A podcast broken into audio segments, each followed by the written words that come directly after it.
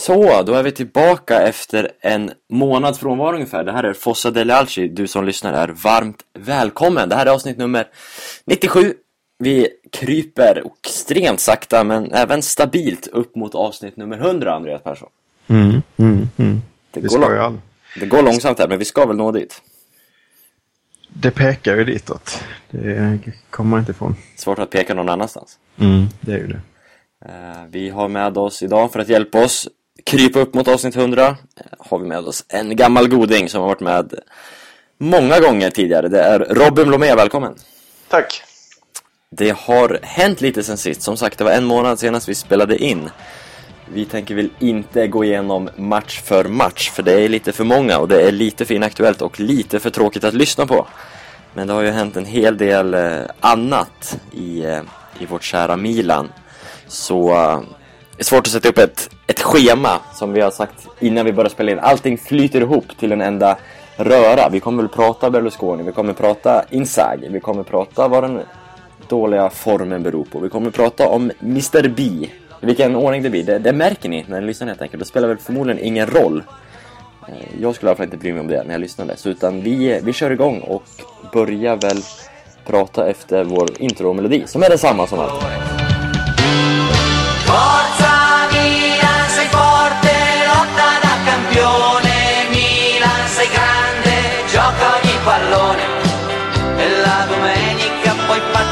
Farti rispettare. Ci siamo noi allo stadio per gridare. Milan, sei forte, lotta da campione.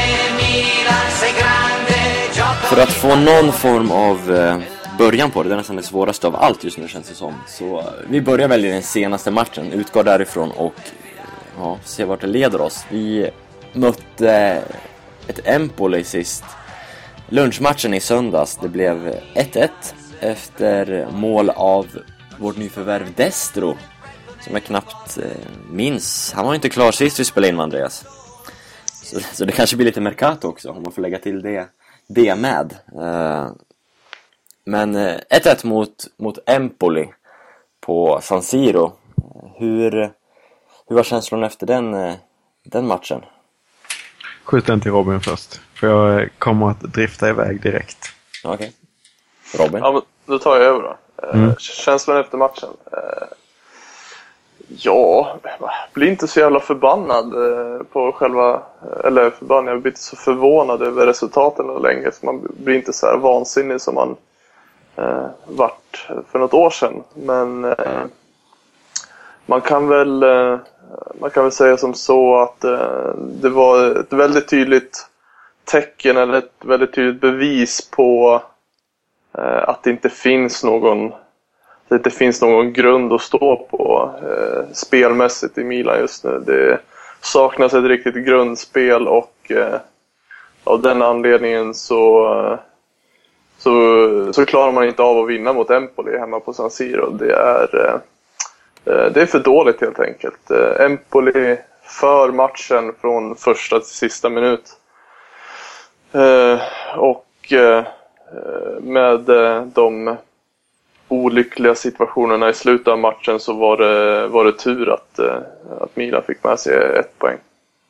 Jag var nästan personligen, innan jag släpper över till dig så du får sväva iväg Andreas. Jag tyckte jag var Jag var nästan nöjd efter matchen att vi fick ett kryss i den här matchen. Det är så sjukt att säga att jag som Milan-supporter är nöjd efter 1-1 mot en Serie A-nykomling, men det var så helt enkelt. Jag ska inte sticka under stol med det. Det var, som du säger Robin, eh, Empoli dominerade oss. De hade Valdi Fiori som ju har varit en av seriens bästa mittfältare under året, absolut, eller under säsongen, men han såg ju hur bra ut som helst mot Milan. Ja men det, det är ju så, alltså jämför du lagen så som de har spelat. Empoli har gjort en väldigt fin säsong. Eh, de är ett lag som är otroligt samspelta, eh, har inte den här riktiga spetsen som gör att eh, de tappar i poäng i matcher de kanske ska vinna. Eh, om, man ser, om man ser till spelet då. Och, eh, Milan är väl tvärtom. Eh, De har de här individuella spelarna som sticker upp ibland, som Menes, Cerci som gör att det plockas poäng i vissa matcher, men det finns ingen som helst eh, eh tydlighet eller eh, ett grundspel att stå och luta sig tillbaka till. Eh, för eh, har, man ett, har man ett sånt grundspel som man borde ha av, av den digniteten som klubb som Milan ändå är så ska man så ska det liksom bara ordna sig eh, på hemmaplan mot eh, lag eh, 10 till 20. Eh, liksom. Det, eh, så det vart liksom det slutgiltiga tecknet för mig att nej, det är absolut Eh, inte på rätt väg utan det, det, har, eh, det är sämre än någonsin nästan. Mm. Ja, eh, nu gjorde du det lite som, som jag hade tänkt att du skulle liksom ta någonting från Empoli-matchen och sen så köra det som någon slags eh, symbolik för hur läget är överlag. Och det var det jag tänkte göra på typ fyra punkter kanske och eh, då var inte just eh, hur samspelt eller hur, hur, hur, laget spelar en del av det. Men, men det här med känslan, eh, även om jag såklart håller med. Det här med känslan kan jag ju bara hålla med om. Jag var liksom, alltså det bara kändes som att ja, det är så här det är. Uh, och um, ja, eh, jag personligen till exempel skulle egentligen ha jobbat uh, när den här matchen spelades på, på dagen. Jag hade jobbat kvällen innan. Um, men gör ju såklart allt vad man kan för att kunna se Milan. Så att jag jobbade istället kvällspass och nattpass för att liksom eh, vara ledig på dagen där. Eh, och det, det tar ju kål på en det här liksom, när man kommer hem. Det är inte så att man får energi tillbaka av det här laget. Så man lider ju bara. Eh, men det är ju inte bara så att vi som supportrar ser, ser på det så här att nej, Milan eh, mot Empoli, det är inte så att man är chockerad utan oddsen ser ut så här bara några minuter liksom in i matchen, kanske en 20 minuter, så stod Milan på, eh, jag vet inte om det var 2.20, 2.30. Hemma mot en, en nykomling är, eh, är fruktansvärt högt eh, odds i jämförelse med vad vi brukar stå, stå i. Alltså Juventus står ju liksom i, inte ens i 1.20 och det är en enorm skillnad i procentenheter på sannolikheten att man ska vinna där. Mm. Det är liksom inte ens favorit på att Milan ska vinna hemma. Det är mer troligt att Milan inte vinner än att man gör det mm. hemma på San Siro. Nej men alltså man, man, inför den här matchen så kände jag att uh, nu kommer vi möta ett väldigt samspelt lag. De har en väldigt eh, homogen, homogen startelva. Det funkar perfekt men Sen har man ändå den här känslan att ja, men det är ändå på San Siro de, ska till. Det är ändå Milan ska kunna bjuda till trots de senaste matchernas eh, hackiga spel. Man, man, man trodde ändå att det skulle gå tuffare för Empoli att få igång eh, sitt fina lir som de ändå har. Mm. Eh, men tittar man på Empolis mittfält så alltså, det, det är ju så eh, fina spelare liksom. De, de har ett eh, sånt fint konstruktivt spel och det fick de igång direkt på San Siro. Det var inget som störde dem, det var inget som hackade det maskineriet utan det var bara att, liksom, att skruva upp och sätta igång och spela direkt. Och, och Milan hade egentligen ingenting, ingen motgift. Så det var i, i princip så matchen fortskred från första till sista minut. Och det, det var liksom lite det som också kändes att fan, det är, liksom, det är så här jäkla enkelt att mm. möta Milan just nu. Det är, det är så enkelt att möta Milan på San Siro. Det är sånt som gör en så... Eh, ja, tapp, tappa hoppet helt enkelt. Mm. Eh, en annan eh, slutsats, man kan, alltså det är klart, den här matchen, man måste skjuta in oturskortet. Liksom. Att det är en del förklaring för att det det spelar in på resultatet. Eh, att Alex går in skadad och utskadad och, och sådär. Det, det, är klart att det inte hade man inte räknat med. Och det försvårar ju. Det, Inzaghi har ju till slut bara ett eh, byte att göra som, för, som man vill göra själv. Um, men, uh, men annan... Milan ska ju slå ett Empoli med även ett byte liksom. Ja, alltså, det, kändes ja. väl, det kändes väl inte som innan eh, utvisningen på, på eh, Diego Lopez och eh, skadan på Paletta så kändes det var inte den här känslan att ja, men snart kommer eh, Snart sätter vi trycket och snart eh, kommer vi börja jaga det här målet och att det kommer bli ett jäkla tryck nu inom kort. Utan den känslan hade man ju absolut inte utan det var det var fortfarande Empoli som förde matchen. Absolut. Och, och det menar jag inte heller utan det jag menar är mer att det har betydelse för laget att Alex går ut i åttonde minuten. Det har haft betydelse för laget under hela säsongen om man också ser på det som, som någon slags symbolik. Att eh, backlinjen i princip aldrig har sett likadan ut. Eh, vi, vi tog väl upp det på Twitter, eller eh, frugan eh, din eh, tog upp det på, på eh, Twitter och jag la väl till där vilka backlinjer det var som Fan, jag skulle haft de siffrorna i huvudet, men var det... Eh, vi... Eh, Bonera, Ramim, XS, Armero? Eller var det något sånt? Som var den vanligaste, tror jag. Mm. Eller DeCilio kanske. Och, ja. och den hade varit tre gånger. Eh, 16 olika backlinjer eller något sånt på 25 matcher. Mm. Något i den stilen var det. Jag kan inte ta gift på de siffrorna. Och hur många försvarare kom inte in i i januari liksom. Det, ja. Då fick vi några det... ytterligare kombinationer att leka med helt mm. Men den basklappen har man ju till förklaring till att det delvis har sett ut så som det har gjort. Men det som jag tycker är väldigt oroväckande, som jag också ser som en symbolik från den här matchen är, eh, ni nämnde Valdefiori, nästan det bästa exemplet eh, helt fantastisk mittfältare i Empoli. Varför spelar inte han i, eh, alltså så som han spelar mot Milan, varför spelar inte han i eh, liksom Barcelona eller någon av de stora europeiska klubbarna? Ganska tydligt att han är väldigt långsam. Men han har ett extre en extremt fin passningsfot. Och då tänker jag att ehm, jag var väldigt positiv till Inzaghi som tränare. Han kom in från början, hade väldigt mycket energi.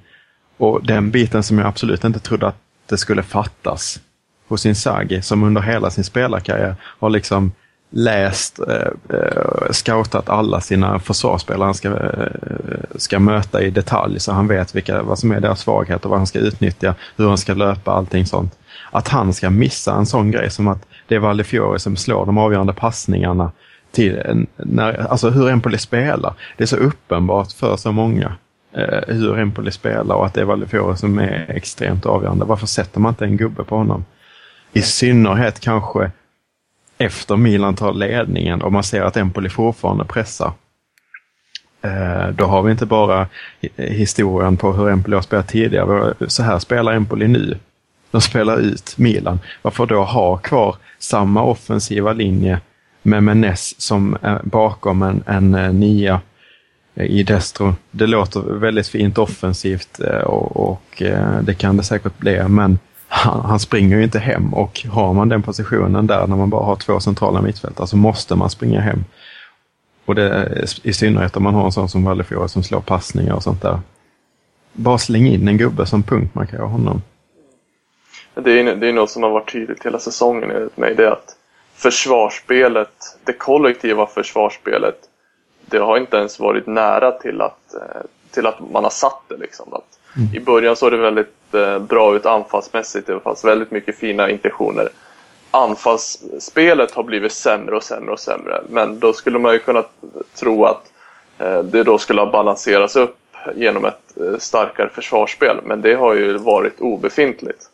Eh, och det, det är så otroligt tydligt att trots att Milan står väldigt lågt i många matcher Eh, med låga utgångspositioner så finns det ändå stora ytor att spela, spela förbi sig. Det, det visar på den eh, otydlighet och att eh, spelarna är osäkra och saknar självförtroende. Att det är liksom eh, kuggarna i kugghjulet liksom, de klickar inte i utan det, det är krystat hela tiden och eh, där får man ju lägga otroligt mycket kritik till eh, Inzaghi att han inte har att han inte har lyckats infört ett försvarsspel som alla vet hur det ska fungera. Eh, du ska väl också kritiseras i Tassotti som ändå eh, bör ha ett litet ansvar för försvarsspelet. Eh, men man, man, man undrar också om det hattandet mellan olika uppställningar också har en inverkan. Men eh, Inzaghi har haft stora, stora problem med eh,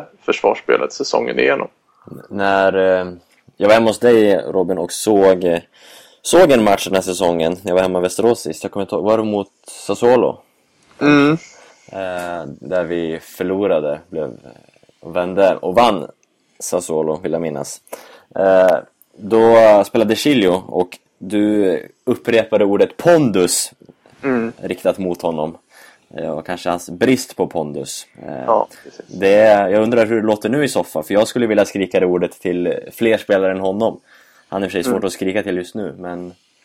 Eh, det, Nej, men- det är nej, så, men alltså, du- hu- huvudet är ju ner i backen och... Nej men nu, precis, det är, alltså, det är i princip, du kan applicera det ordet eller bristen Eh, på, på pondus på i princip alla. Det är, Antonelli kommer in med, en, med ett självförtroende för, efter, en, efter en fin stark säsong. Eh, eh, men för övrigt, ja Menes har fortfarande sin pondus men det är för att han är lite speciell i huvudet. Uh, Cerci, ja, sisådär. Men eh, resten, man ser, de hänger med huvudet. De vet inte riktigt vad de ska göra. Eh, eh, Det, det, det, är, det är brist på den här... Man vet ju själv när man spelar att det, det är så mycket enklare att göra fel, att tveka i de här standardsituationerna som man utsätts sig för så otroligt många gånger på match. Att göra fel i dem bara på grund av att eh, självförtroendet sviker och att man tvekar eh, när, när det egentligen ska gå med automatik. Eh, är, så, det är sådana små grejer som gör att i det stora hela ser så tafatt ut. Eh, det är mycket spelarna, men det här leder väl just nu till, till Inzaghi, ett första steg. Eh, och det pratas ju om hans vara eller icke vara. Eh, och personligen så tror jag väl anledningen till att han sitter där han sitter är att Cedorf sitter och suger lön, eller suger lön. Han får lön. Eh, och Milan helt enkelt inte har råd att sparka Super Pippo. Eh, Delar ni den, eller har ni någon annan förklaring till varför Inzaghi är kvar? Ja, det, det är väl vill inte göra samma, eller klubben vill inte tappa ansiktet på samma sätt som man gjorde förra året med det, med det smutsiga som hände runt Cedorf. Eh, skulle inte den fadäsen ha hänt förra året så skulle nog inte Inzaghi varit kvar eh, just nu. Eh, och stor skillnad mellan de, de två situationerna är att eh, Cedorf hade absolut inte ledningen bakom sig. Eh, eh, medan Inzaghi har det.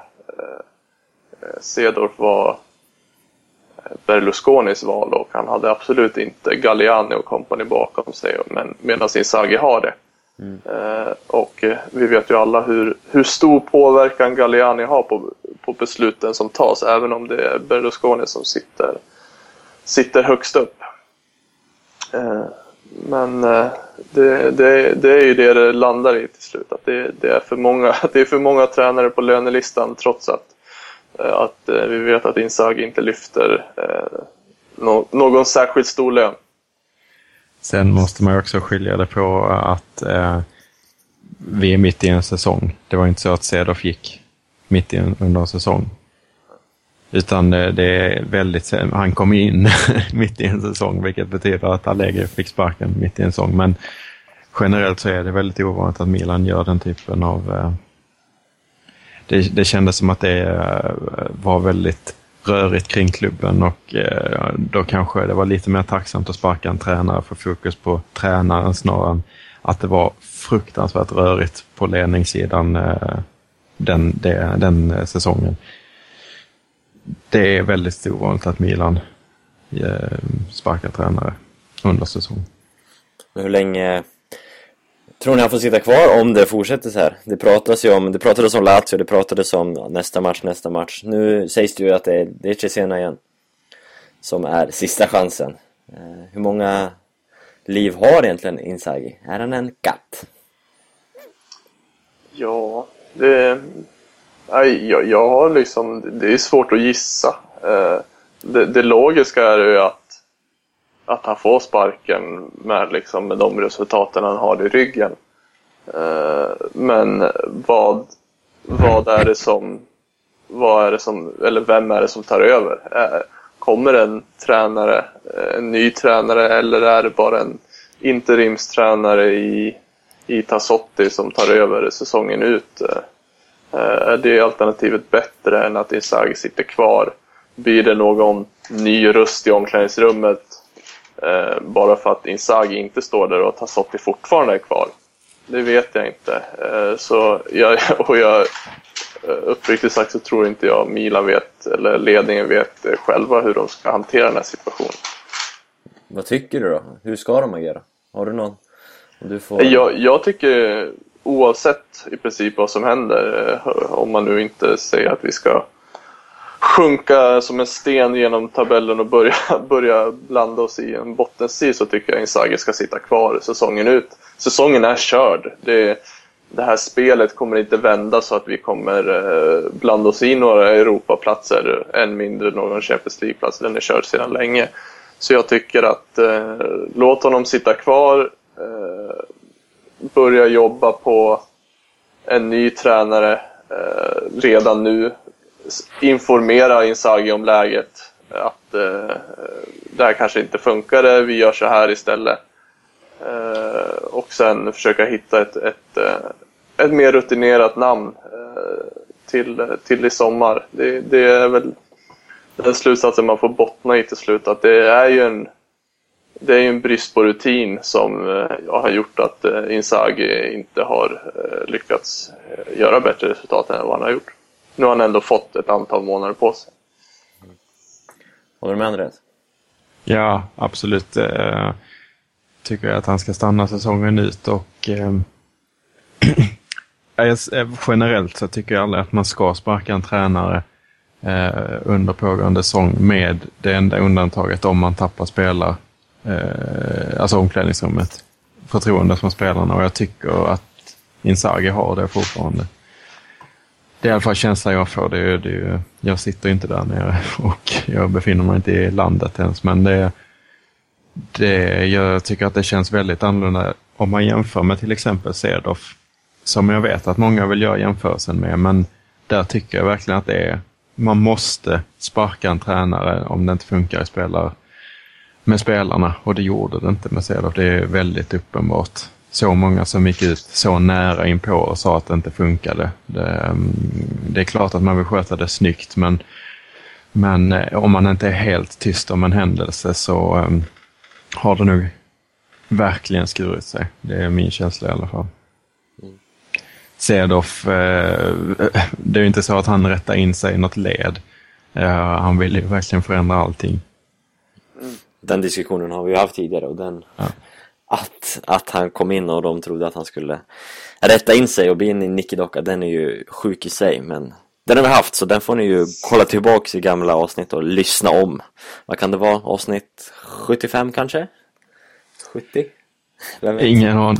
Nej. Man får Så- lyssna på alla. Ja, det är några stycken. Milan, Milan corre va, più nessuno ti fermerà. Milan, Milan, mondo intero può conquistar. Den senaste tiden har det gapat tomt på San Siro när vi har spelat. Sist mot, mot Empoli så var det väl ungefär 25 000 och det är eh, flera pikar som kommer från både ett och annat håll på eh, sociala medier, Twitter framförallt. Det är lite kul när, när Lazio-supportrar går ut och sågar tomma arenor och skrattar och tycker det är kul. Det är ju kanske inte rätt läge Det- att håna ifrån. Då, det är då självinsikten flödar. Ja. Eh, men visst är det med all rätta som vi behånade. 25 000 på San Siro är ju för jäkligt faktiskt. Och det har ju, ja, inte bara det såklart, men eh, det är väl en delorsak till att det nu diskuteras väldigt mycket om en ny arena i Milano. Eh, en, eh, en arena som eh, ska väl plocka in en, vad är det, 50, 48? 50, 45? 48 var det senaste, eller är det i den här officiella Mm. förslaget. Mm. Vad tycker ni om den, eh, det växthuset som har presenterats? I, Var ska man börja där då? ja, 40, 48 är ju en usel siffra tycker jag. Eh, ehm, Den är väl 12 000 för lite. enligt mig. ja, ja det, det är den. Och eh, sen är det ju den verkligheten. Men alltså när jag såg Milan för första gången på plats var ju inte, det var inte så länge sedan, det var 20, eller jo, det var 2008, 2009 någonstans där. Då eh, såg jag en match mitt i veckan mot Siena. Eh, eh minst eh, publik på, eh, inte bara den, jag tror det var i alla fall den säsongen, eh, jag vet inte om det var någon säsong bak också. Det är ju inte populärt, det är ett väldigt litet lag, eh, provinslag och eh, det var mitt i veckan som sagt. Eh, Den drog eh, 43 tror jag. Mm. För att ge det lite perspektiv. Det var svunna det- tider. Ja, alltså det finns ju så många... Men det alltså, var, det var 2000, äh, 2009 tror jag det var. Det var ju liksom när vi var i en djup svacka också. Vi, var inte i många- vi spelade inte i Champions League då. Eh, Precis, det finns ju så många faktorer som spelar in på just publiksiffran. Bristen på... Och det var eh, kallt. Ja, kallt. Bristen på eh, profiler. Hur många profiler som liksom... Ja, det, det saknades ju inte. Det var ju tiden med Ronaldinho. Och, Nej, men precis. Men jämfört med nu. Det är alltså, jag tror liksom inte Menes gör att folk vallfärdar till eh, San Siro oavsett motstånd som Ronaldinho, Kaká, eh, vis, vissa spelare gjorde. Det, Mm. Så är det inte längre. Eh, Boketti tror jag har en stor fanclub. Ja, Salvatore har en stor fa- fanskara i, i norra Milano. Mm. Nej, men det är alltså...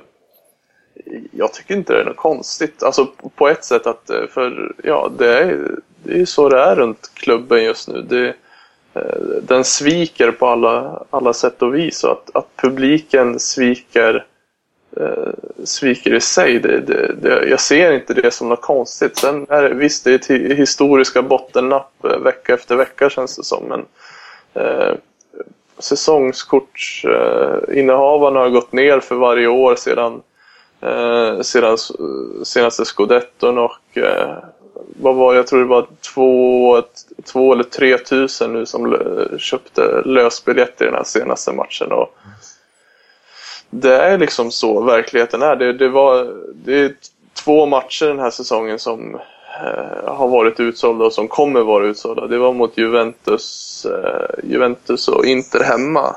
Det är inget annat lag i Serie A som, som, fyller, som fyller San Siro. När inte Milan är, eh, slåss om en scudetto.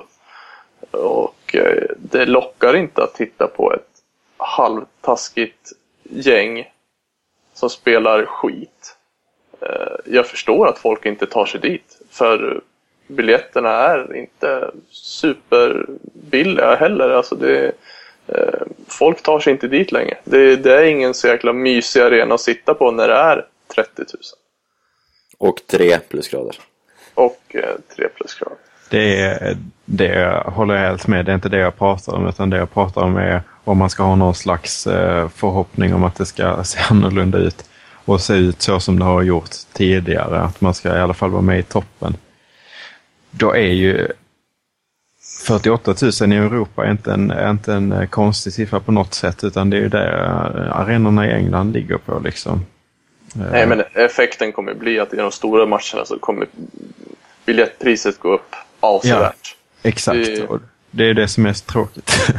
Så det, det, kommer, det kommer vara fullsatt eh, betydligt eh, oftare på, på den nya arenan eh, förhoppningsvis. Men när det vankas stor match så kommer de där eh, biljetterna att kryddas rejält. Eh, ja, alla biljetter känns ju som att de kommer att bli dyrare för att det kommer ju bli slutsålt. I alla fall då och då. Eh, det, det, det kommer bli, kanske bli slutsålt förmodligen mot rumlagen, mot Napoli etc. Alla de matcherna som, som drar lite mer men, um, men inte säljas ut på San Siro. Så det kommer att göra att biljettpriserna kommer att gå upp. Eh, och eh, självklart 48 000, eh, vad man än säger från Premier League-håll eller så. Du har en arena, den kan vara hur fin som helst. Eh, men du har bara 48 000 där. Alltså jämför det med ett fullsatt San Siro som är avsevärt större, tar in hur mycket, betydligt mer folk. Det är häftigare. Jo, men det, det, stormatch. det är väl det man landar i till slut. Det är att man jämför ju alltid med ett knökfullt San Siro med en, eh, som är laddare inför en stor match. Det är liksom det är det, är det San Siro man har, man har innanför pannbenet. Det är, det, det är ju så man tänker San Siro. Eh, men så ser ju inte verkligheten ut. Sen vet man ju att det vänder ju snabbt när det väl vänder. Men, men när vänder det? Behöver vi en ny arena för att få det att vända? Eh, är, det, är det liksom det vi bottnar i till slut så, eh, Eh, så vad är det som ska komma först? Eh, går det ens att genomföra en ny arena som, som ska ta 60, 65, 70 tusen? Eller går det att bara att finansiera en som tar 48? Det är väl det jag tror i nuläget alltså, för jag ser ingen annan, ingen annan förklaring i nuläget. Det är inte lätt att bygga arenor i Italien. Det är väldigt tydligt just nu. Det är eh, svårt att hitta marken i Milano. Det är ju, vi ska ju säga det, det vet ju alla våra lyssnare antar jag, att det är så långt ifrån klart här som möjligt. Jag kommer inte tro på någonting förrän, ja, inte ens första spadtaget är klart, utan förrän Barbara klipper bandet nästan. Ja, nej men precis. Det, det, det är senast jag läste igår. Då, eh, då säger de ju att den marken som är ute till försäljning, eller vad man ska kalla det, som, som de här olika projekten slåss om, där, där Milans arenaprojekt är, är ett utav dem. Eh, Den marken är för liten. Alltså den, den ytan, de kva- kvadratmeterna, de, de, är, de är för få för att, för att du ska få till en, inte själva byggnaden, alltså arenan i sig, men att, eh, att det ska fungera runt omkring med parkeringar, med, med ja, ja, all transport och allt. Så så att det ska Alla flyta. stånd måste få plats någonstans. Ja, precis. Nej, men så att eh, folk ska kunna ta sig in och ut och det finns väl vissa säkerhetsgrejer och hej och eh, Parkering. Ja, precis. Eh, och det var ju arkitekten som gjorde Juventus Stadium som uttalade sig och sa att den, den marken som är ute till försäljning i, i Portello-området där, den, den är för liten redan nu. Och det i så fall kommer då bli aktuellt att man får försöka eh, köpa mer mark där, där det ligger vissa eh, fabriker och eh, inte fabriker men kanske ja, olika butiker eller Kontor. kontor och Ligger arbetsplatser. väl där. Ja, precis. Det, Citroën hade någon större byggnad som det talades om. Eh, vars eh, positionering skulle ha varit bra att lösa upp. Men eh, det, är, som, eh, det är som David säger, det, det är så otroligt mycket som ska, eh, som ska till. Eh, vi- Projektet har inte ens vunnit bland de här fyra som tampas om eh, om marken. Det ska ju bestämmas nu 10 mars, vad jag läst. Så, och sen, eh, det finns, det finns fortfarande inte ens en finansiär, så det, det är så extremt mycket som ska till innan arenan står där. Jag har svårt att tro att eh, om den blir, blir av, att den kommer utformas på det sättet som eh, som det här första förslaget var som det. Jag tror absolut finansiärer vill ha sitt att säga till om. Eh, använda sina arkitekter eller eh, sin tycke och smak om man ska gå in stort i det här. Eh, så det är väldigt mycket, eller väldigt lite av det som är sagt tror jag kommer hända i slutändan. Jag tror inte en arena kommer stå klar 2018-19 som det sägs. Nej, Det är för tä- tätt med tid alltså. Det, är, det sägs väl att eh, Eh, Juventus Stadium att det gjordes ju liksom i sån rekordfart. Eh, så att eh, det liksom det gick så smidigt som man knappt trodde sina ögon i efterhand. Det är ju bara att titta hur hur Fiorentinas arenaprojekt har hackat. För att inte prata om Cagliari och Romas verkar inte heller gå smärtfritt. Det, det är så otroligt och Roma ska vi säga har ju kommit längre, betydligt längre än vad Milan har gjort. Absolut, absolut. De har ju liksom sina tillstånd och sånt klara, men nu har det ju uppstått att marken där, där den ska byggas är inte riktigt super. Så eh, den håller väl på att sjunka och sådär. Det är väl några gamla... Det, det är inte äh, gamla arkeologiska fynd. Ja, Nej men, nej, men den var liksom lite sumpig marken, liksom, Ah, så okej. det var väl inte hundra stabilt. Men alltså, som vi, som vi snackar om, det, det, bygga arenor med den byråkratin och allting som råder i Italien, det är så otroligt tungrott. Så, eh, så de här första förslagen som läcker ut, det går man, man, är, man blir ju liksom, man går ju igång på det men man vet ju fortfarande att det, det är ju bara lösa skott liksom. Det, man vet inte alls vad det är som kommer landa i slutändan. Eh, finansiärer krävs, eh, säger du. Och det har ju pratats om eh, Emirates har varit uppe på tapeten. Det har varit, ja, de är Dubai-snubbar, det vill säga. Det har pratats om eh, asiater. Det var... Wanta Group. Ja, Wanda Group, just det. Eh, det var du som twittrade det, eller var det Vicky? Det var Det var, Vicky kanske. Eh, jag tyckte vi skulle hoppas på Ica Maxi tar över. Maxi Group. Eller något dylikt. Eh, så det finns ju flera ryktade intressenter men det är ju det är långt, långt dit. Eh, och eh, jag vill ju leda över det här till en, till en ägarfråga. För jag tycker vi är klara med arenan. Det är, vi hinner prata mer om den, tror jag. Och jag vill komma in på ägare, för det finns ju inte bara intressenter i en eventuell arena, det finns ju även intressenter i klubben i stort. Det är ju Mr B som det pratas mest om just nu. Eh, thailändaren, han heter väl B Tachabul eller något sånt. vi kallar han bi. Mr B är enklast, eh, tycker jag.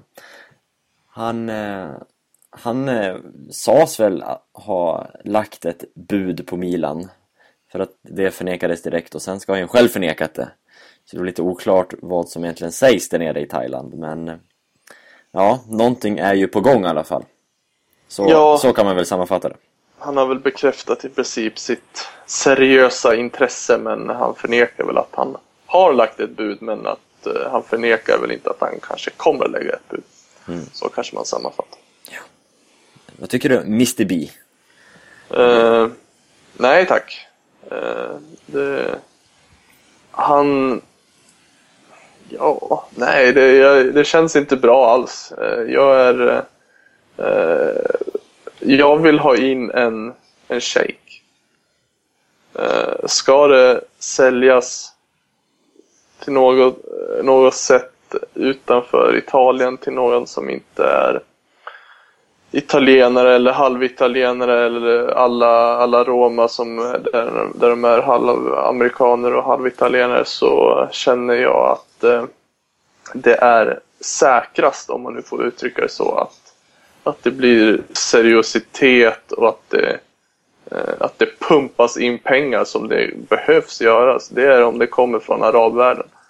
Eh, jag känner att eh, seriositeten inte är lika hög från, från Asien. Eh, och jag vet själv att det är mot apvärlden som Berlusconi-familjen har vänt sig och aktivt själva försökt locka, locka olika intressenter att köpa minoritetsandelar. Eh, Så jag, jag ser ändå någonstans där att, eh, att, det, att det, det kommer säljas i, i stor eller liten skala till arabvärlden alternativt eh, ryska, då. ryska ägare. Eh, jag tror väl att det kommer framförallt säljas en liten del först. Och det är jag absolut inte ensam om att tro. Eh, det känns väl som att Berlusconi vill hänga kvar där eh, ett tag till. Det är svårt att se att han ska gå från, från 100% till att äga en minoritet eller framförallt att sälja hela klubben. Eh, så jag tror, Nej, det, jag tror det kommer ske gradvis. En, Jag tror, precis som du säger, det jag håller med och jag tror absolut att den första försäljningen av klubben kommer vara starkt sammankopplat med en investering i, i en framtida arena. Mm. Det, det är där, det är så Milan har tänkt att bli att komma, eller bli större eller komma i fatt eller hur man nu ska uttrycka det. Och det är, det, det är så man vill ha hjälp och eh, in, eh, olika investerare vet att det finns pengar att tjäna. Eh, eller att det, det, det är en säkrare investering att investera i, i en arena eh, än bara rent i klubben och för att ja, en, en klubb i sig är en förlustaffär. Eh, men att då man går in att att eh, sponsra en arena eller hur man nu ska uttrycka det. det. Det är en annan typ av investering och det finns ett annat värde i det också. Mm. Andreas, du har varit tyst länge. Mm. Jag ser att du twittrar. Nej, gör jag? En kvart sedan. Va? Vad fan har jag skrivit? Till Gusten. Ah, det, men det var ju länge sedan. En kvart sedan. Skitsamma. Eh, Nej. Det, vad tycker du? Det jag gör är att jag funderar. Mm. Har du kommit fram till något? Kring, kring eh, massa olika grejer. Eh, absolut. Eh, vi har eh, ägarfrågan. Det, det, jag tycker det är svårt att spekulera kring vilka som ska vara seriösa och vilka som inte ska vara det. Jag vill minnas lite olika ägare som inte har varit så seriösa. Jag tänker på Altani. Vi har eh, lite olika fall ute i Europa där. Vi har ju en Tachi som är rätt aktuell just nu. Mm, som, som, har, har varit ty tydlig Milan-koppling och som jag trodde var väldigt seriös. Mm. Sen är ju Parma ett case för sig. Alltså det känns ju som att eh, det är inte så kul att plocka Parma just nu. Ja, då får vi hålla på en timme till känns det. Det känns ju så, men eh, eh, kanske är inte eh, det säger kanske mer om Parma än, än eh, om eh, Retsart, om man säger så. Något som svider är ju ändå Peter Lim. Mm. Eh, som nu gör stordåd med, med Valencia och var ju extremt intresserad av att mm. köpa in sig i Milan. Mm. Eh, han, han verkar ju seriös om man nu får om det är det som är kravet. Ja, nej men där har du en bra ägare. Rakt upp och ner. Men eh, förutom de mer kända eh, namnen, om man nu kan säga så. Det är omöjligt att veta deras eh, seriositet innan det väl gäller. Liksom. Mm. Så, så, så, det är som du säger, det är, det är ytterst svårt att spekulera. Och man ska också äh, göra göra klart för sig att det är Milan de köper. Det är inte så många av de här eh, alternativen. Liksom att det har gått upp och ner för Malaga. Det har gått upp och ner för eh, eh, Anchi. Eh, Masha, Monaco. Monaco. Precis. Um, där vill man ju, kämpar man för att etablera ett namn. Liksom. Men det finns inte så många case där man bara plockar in en storklubb då har du ju själva den basen från början så att säga. Du behöver inte jobba dig uppåt. Så att på, på bara att vi är en stor klubb från början gör att risken minskar avsevärt från, för, för att få in eh, oönskade och oseriösa ägare. Ja, alltså det känns väl lite så att eh, när eller om Milan väl förvärvas av någon, eh, någon extern finansiär så kommer det ju bli det det största övertagandet i fotbollshistorien för att det är den största klubben av dem som kommer ha sålts till en, eh, till en sån ägare som kommer göras. Jag, Manchester City och Chelsea är inte lika stora klubbar, eller var vid ägarbytet lika stora klubbar som Milan. Eh, med, med, med, samma dignitet som Milan, eh, deras värde. Eh, inte Valencia var inte det, inte PSG. Absolut inte de ryska klubbarna. Så, så det, det, kommer bli ett enormt eh, eh liksom, en försäljning. Liksom det, det, det är ju liksom Milan är det största namnet som är ute till försäljning.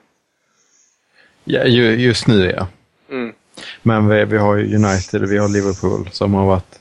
Ja, ja förlåt. också. förlåt, Man- förlåt. Nu, man, eh, nu glömmer jag to totalt bort eh, Man, man tänker ju lätt att... Ja. Man tänker ju lätt på eh, den typiska... Eller den typen av ägare som kommer från öst. Mm. Eh, finns ju de från väst också. Go West! Det har du helt rätt i. Jag glömde totalt eh, United och Mm. eh, Liverpool. Men eh, en grej som jag satt och, och funderar på lite.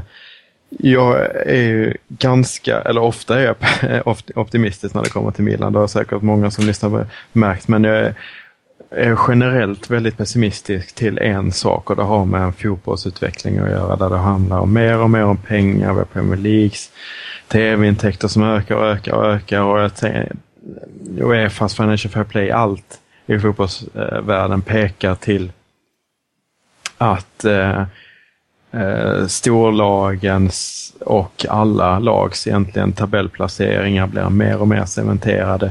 Du har eh, det blir hela tiden minskade möjligheter för lag att utmana om att vinna titlar, om att eh, nå framgång.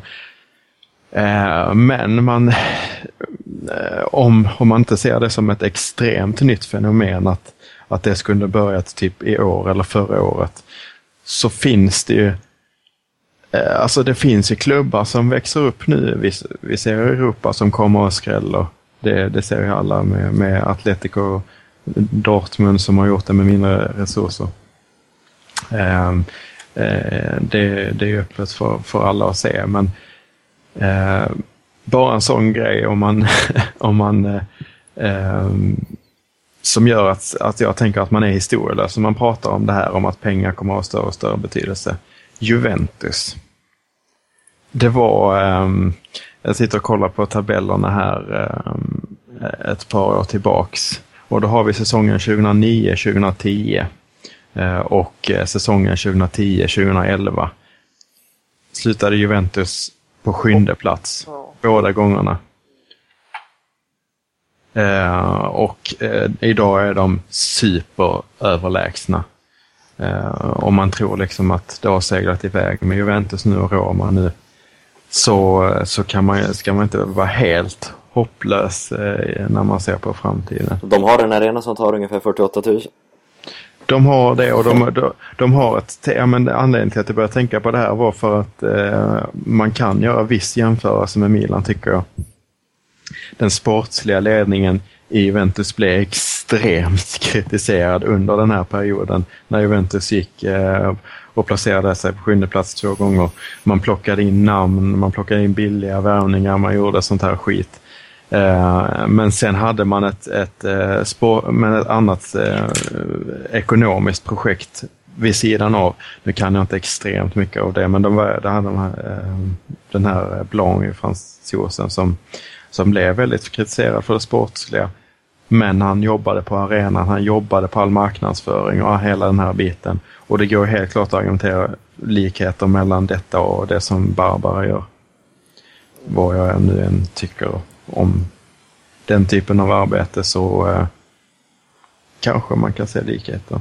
Nej men det är ju precis som du säger ju, men det blir ju att nu står vi liksom med eh, ena foten eh, tillbaka i våran, klubbens fantastiska historia. Eh, och eh, där, eh, där San Siro är fullsmockat och eh, eh, pokalerna och troféerna ramlar in titt som tätt. Eh, vi måste ju liksom acceptera att vi är vi är inte den klubben just nu, men för att få, för att få lyfta de pokalen igen så måste det till någon förändring.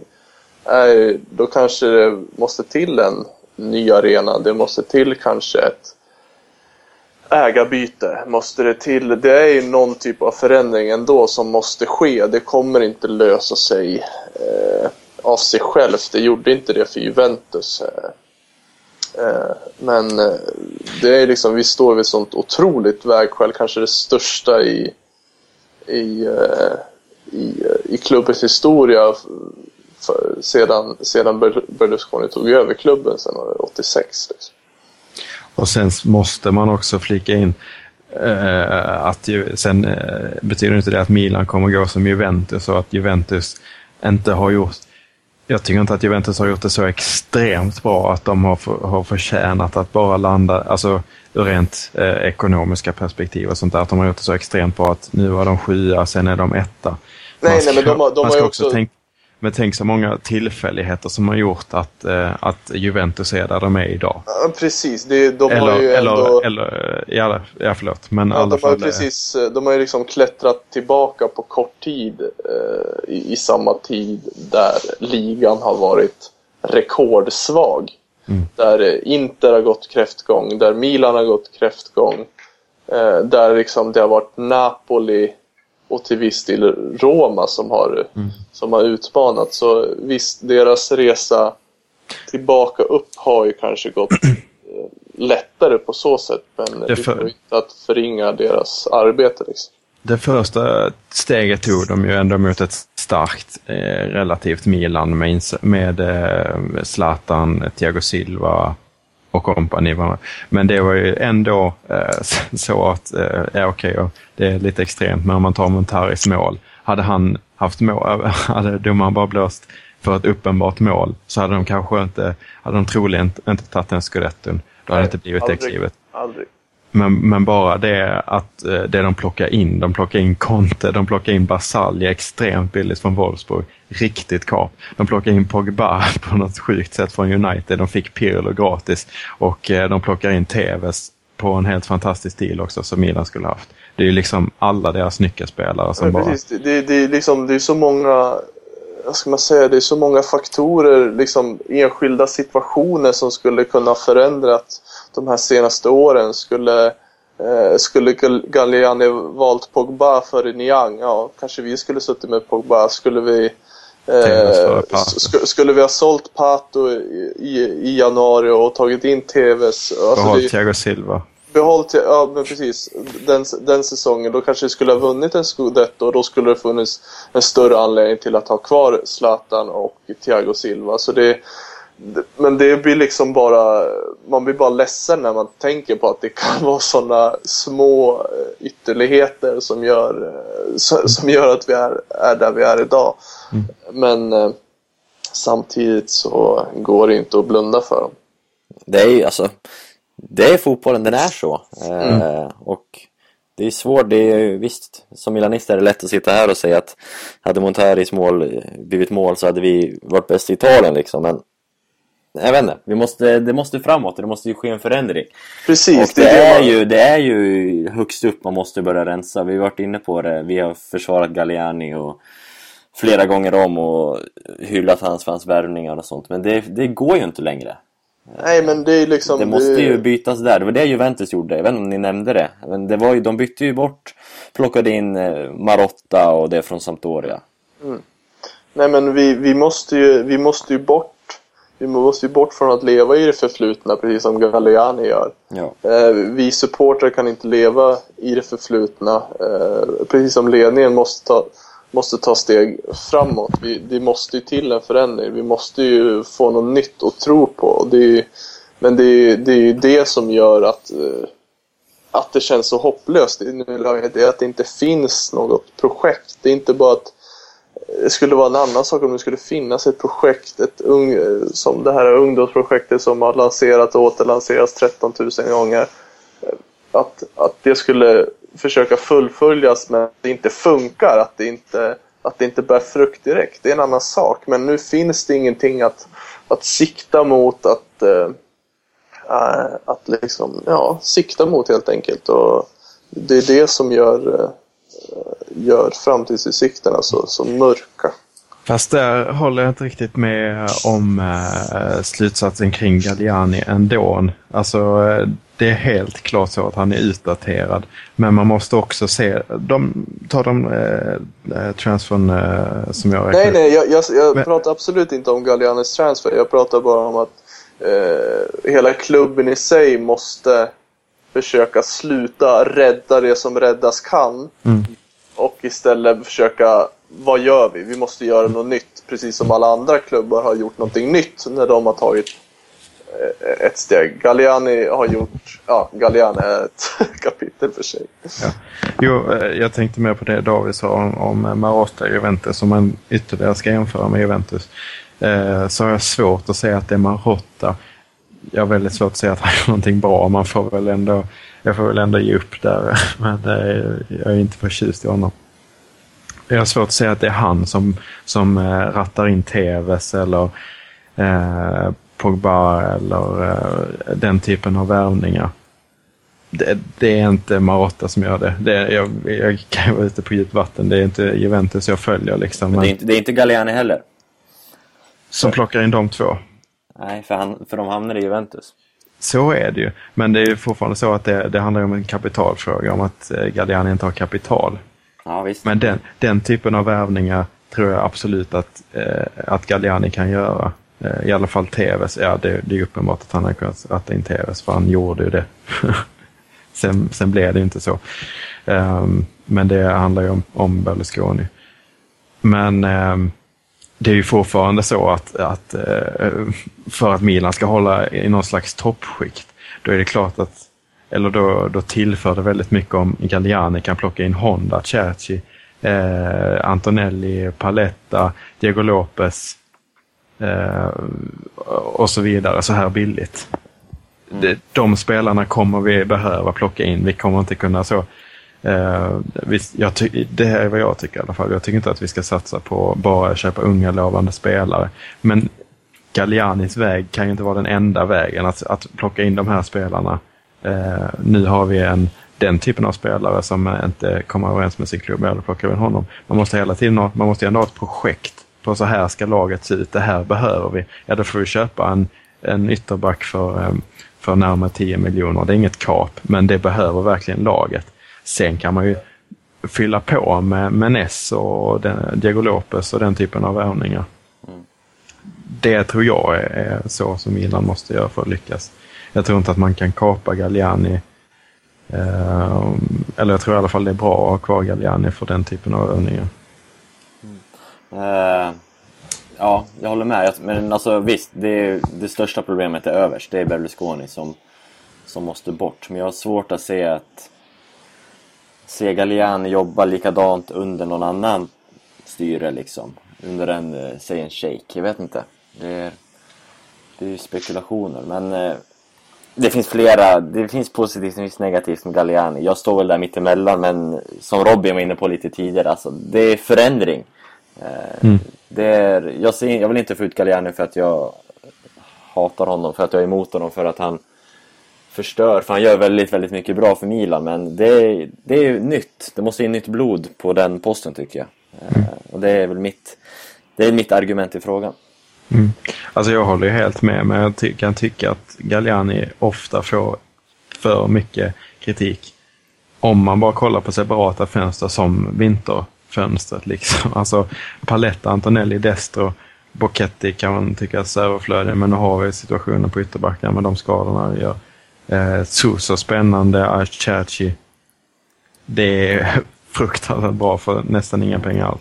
Viss pengar för Destro, men men det är ändå relativt billigt. Mm. Alltså hans och, Mercato eh, in är ju super, men hans Mercato ut är ju exakt, katastrof. Exakt.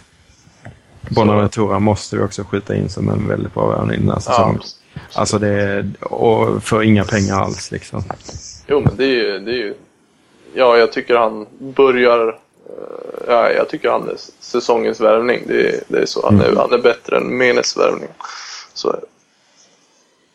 Ja, Diego Lopez också någonstans ja, uppe i topp. Det är de eh. tre. Han kan köpa men han har svårt att sälja. Just ja, men det, det, det, det, det, Och det är ju ett problem av att det har gått så här lång tid, att så många spelare har fått så höga löner. Det är ju svårt att, att justera så på så kort tid. Det är, så, det är svårt att få bort de här dussinlirarna för att mm. deras deras löner de sitter med i Milan, det får inte dussinspelare i alla andra klubbar. Det är liksom, det, det är ju så. Det finns inga skitspelare som, som tjänar 1,5 till 2 miljoner euro i Fiorentina, i Sampdoria, i, i, i Napoli. De tjänar inte de pengarna där. Det är liksom, så det är i princip omöjligt att göra sig av med dem till inom, eh, inom Italien i alla fall. Där, där, liksom, den, där det borde finnas flest eh, intressenter i alla fall. Och är det, är det klubbar utifrån så är det bara väldigt köpstarka eller eh, klubbar som turkiska eller ryska eh, klubbar som kan matcha de lönerna som, som de här skitspelarna får i Milan. Ska vi dra en tillkoppling med Juventus? När de var på väg upp, då hade de Iaquinta på lönelistan, 4 miljoner euro per säsong. Mm. Det, det är ju fruktansvärt roligt. Men det var ju inte allt, de hade massa, eh, vad heter nu han där? Dirigera. Grygera, ja just det. Sebina. Alltså de tjänar ju hur mycket pengar som helst. Så det var ju inte bara Milan. Men nu är ju, ja, Juventus är väl till viss mån av med det nu i alla fall. Grygera lämnade väl, nej inte Grygera, men vem var det som lämnade nyligen? Det var ju Iaquinta, eller relativt nyligen var väl Ja. det. Förra säsongen kanske i och för sig.